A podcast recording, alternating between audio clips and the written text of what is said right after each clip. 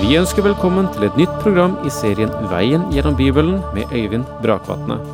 Denne studieserien er produsert av P7 Kristen Riksradio og bygger på serien Through the Bible av Vernon McGee. I dag fortsetter vi med Peters andre brev.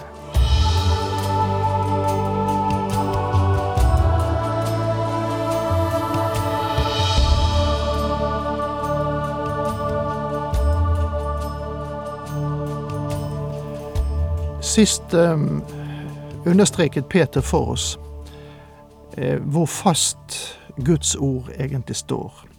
Hvor trygt det er å stole på. Hvor vel forankret det er.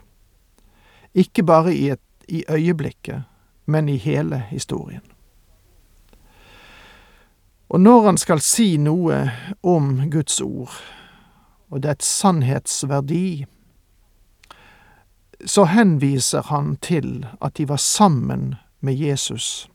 Tre av disiplene var sammen med Jesus på Forklarelsens berg. Og der møtte de også Moses og Elia. Disse to som representerer loven og profetene.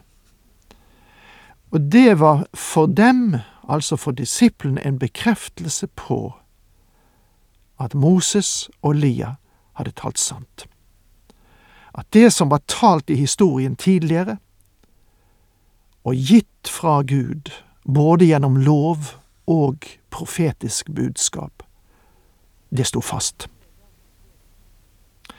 Så med den opplevelsen de selv hadde, så kan de understreke at vi har vært til stede, og vi har sett at Jesus er blitt gitt guddommelig rang og det møtte vi på Forklarelsens berg. Og fordi det er slik, så står det guddommelige ord fast. Derfor står også profetordet desto fastere for oss. Dette ord bør dere ha for øye, for det er lik en lampe som lyser på et mørkt sted, inntil dagen gryr og morgenstjernen går opp i deres hjerter. Ja, og det er der vi går inn igjen i dag, nemlig i 2. Peters brev, kapittel 1, vers 19. Mange mennesker sier med lengsel, å, om jeg bare hadde vært sammen med Peter, om jeg bare hadde kunnet sett det han så. Min venn, du har nesten noe bedre. Du har Guds ord. Og det vil tale direkte til deg om du vil åpne ditt hjerte og tillate det å tale. Guds ord er bedre enn å se og høre. Derfor står også profetordet desto fastere for oss. Gjennom det Peter har forklart, får de en bekreftelse på at det, at det profetene har sagt, er sant. Hendelsen på Forklarelsens berg betydde ikke bare å se Jesus i et nytt lys, men også profetiene i et nytt lys. Dette ord bør dere ha for øye, for det er lik en lampe som lyser på et mørkt sted. Guds ord er et lys, en lampe, en lyskilde, som solen er det på himmelen. Det er en sentrifugalkraft, og på samme måte som solen gir oss sitt lys, kaster det ut i universet, sender Guds ord ut et lys en kraft. Det er et overnaturlig budskap, ja, det eneste vi har i denne verden i dag. Guds ord er det fremste fysiske mirakel vi har fra Gud i den tid vi lever. Og slik vil det være til Jesus kommer, inntil dagen gryr og morgenstjernen går opp i deres hjerter. Jesus ble kalt den klare morgenstjerne i åpenbaringsboken kapittel 22 vers 16. Inntil han kommer, er hans ord sentrifugalkraften som strømmer gjennom verden og drar mennesker fra verdenssystemet og fører dem inn i Guds armer. Og det er egentlig et veldig bilde som vi har her. Men dere må framfor alt vite at en ikke kan tyde noe profetord i Skriften på egen hånd. Men dere må framfor alt vite. Simon Peter sier at dette er det første vi må kjenne til. Ordet vite er en kunnskap som kommer, ikke bare fra Guds ord. Ikke bare fra de fakta som kan fanges inn. Om du har et ærlig hjerte, så vil du snart få klart for deg enten Bibelens fakta er eksakte eller ikke. Men dette er ting som du kan kjenne ved at Den hellige ånd levendegjør dem for deg. Som jeg har sagt tidligere, er det lenge siden jeg passerte det stadium at jeg ønsket at Bibelen skulle bli bevist for meg. Under min studietid og en rekke år senere så leste jeg mye litteratur som skulle bevise Bibelens sannhet, og jeg leste det nyeste som var kommet om arkeologiske funn som bekreftet Bibelen. Da jublet jeg som et barn. Vidunderlig. Det er ikke det som lenger begeistrer meg mest av alt. Jeg tror ikke jeg trenger flere arkeologiske vitnesbyrd for å bevise Bibelen for meg. Guds ånd har selv gjort Guds ord levende for mitt hjerte. Jeg vet at der er en forvandlende makt i Guds ord, og jeg får brev mange steds fra som bekrefter det faktum. Der er en kraft i Guds ord. Og dette er noe som vi kan vite, og faktaene, bekreftet ved Guds ånd, gjør dette ordet levende for oss. En kan ikke tyde noe profetord i Skriften på egen hånd. Det Peter blant annet sier her, er at ingen del av Skriften skal tolkes uavhengig av andre henvisninger til det samme temaet. Og det er årsaken til at jeg stadig ber dere bli kjent med hele Bibelens bredde, så ingen skal dra ut et enkelt vers av Skriften og bygge sin lære eller sin oppfatning på det alene. Og kanskje jeg kan være så dristig å si at om du ikke kan få hele Skriften til å bekrefte din oppfatning, så er det kanskje best at du skifter oppfatning, min venn. Simon Peter sier altså at ingen del av Skriften skal tolkes ved seg selv. Vi trenger å få det bekreftet ved andre skrifthenvisninger. For aldri er noen profeti båret fram fordi et menneske ville det, men drevet av Den hellige ånd talte mennesker ord fra Gud. For aldri er noen profeti båret fram fordi et menneske ville det.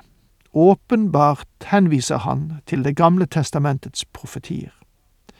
De er ikke et produkt av menneskers vilje.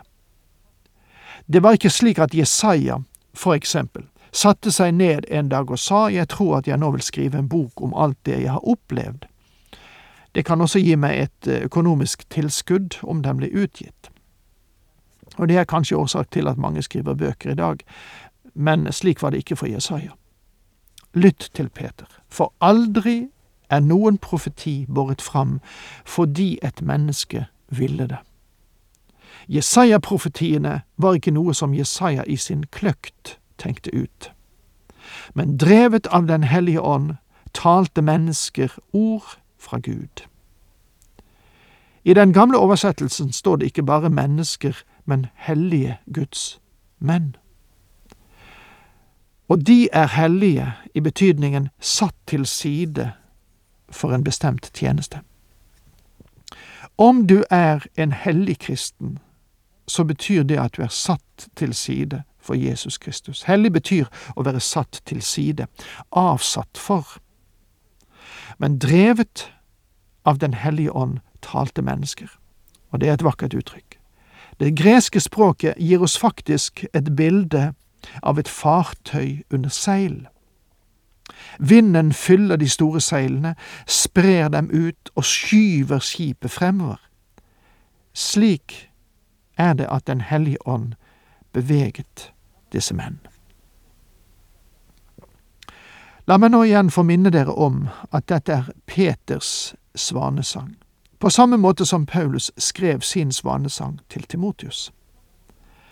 Han understreker viktigheten av Guds ord for den tid av frafall som skulle komme, og Paulus skrev den hellige skrift er innblest av Gud, som det står i 2. Timotius 3, 16. Og Peter sier at forfatterne til disse skriftene ble drevet fremover ved Den hellige ånd.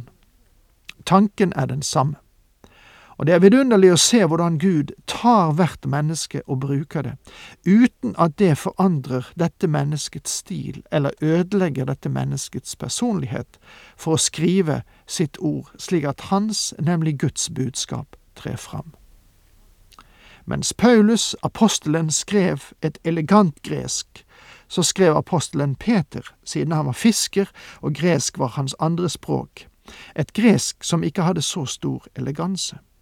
Og likevel brukte Gud begge disse menn til å skrive nøyaktig det han ønsket å si, så langt så at Gud, om han hadde talt fra himmelen i dag, ville ha gjentatt seg selv fordi han allerede har sagt alt det han vil si til menneskeslekten.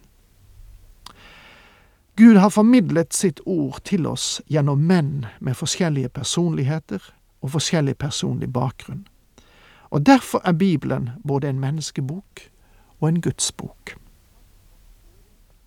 Det skrevne ord, på samme måte som Jesus Kristus, er det levende ord, men både med en menneskelig og en guddommelig side.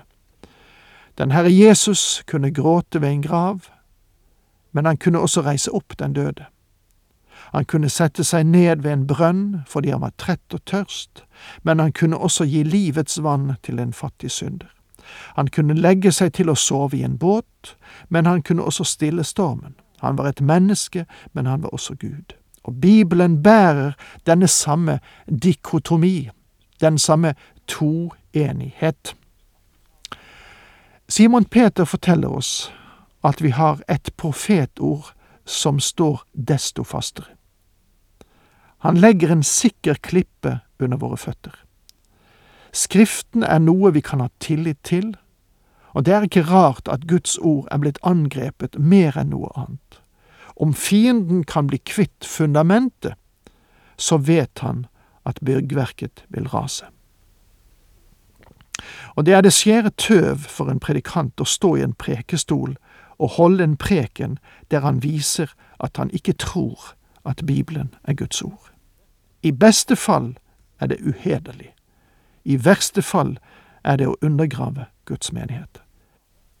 Min venn, Skriftene, slik vi har dem, er et solid fundament som vi kan hvile på og tro på. Og dermed takk for nå, Herren med deg.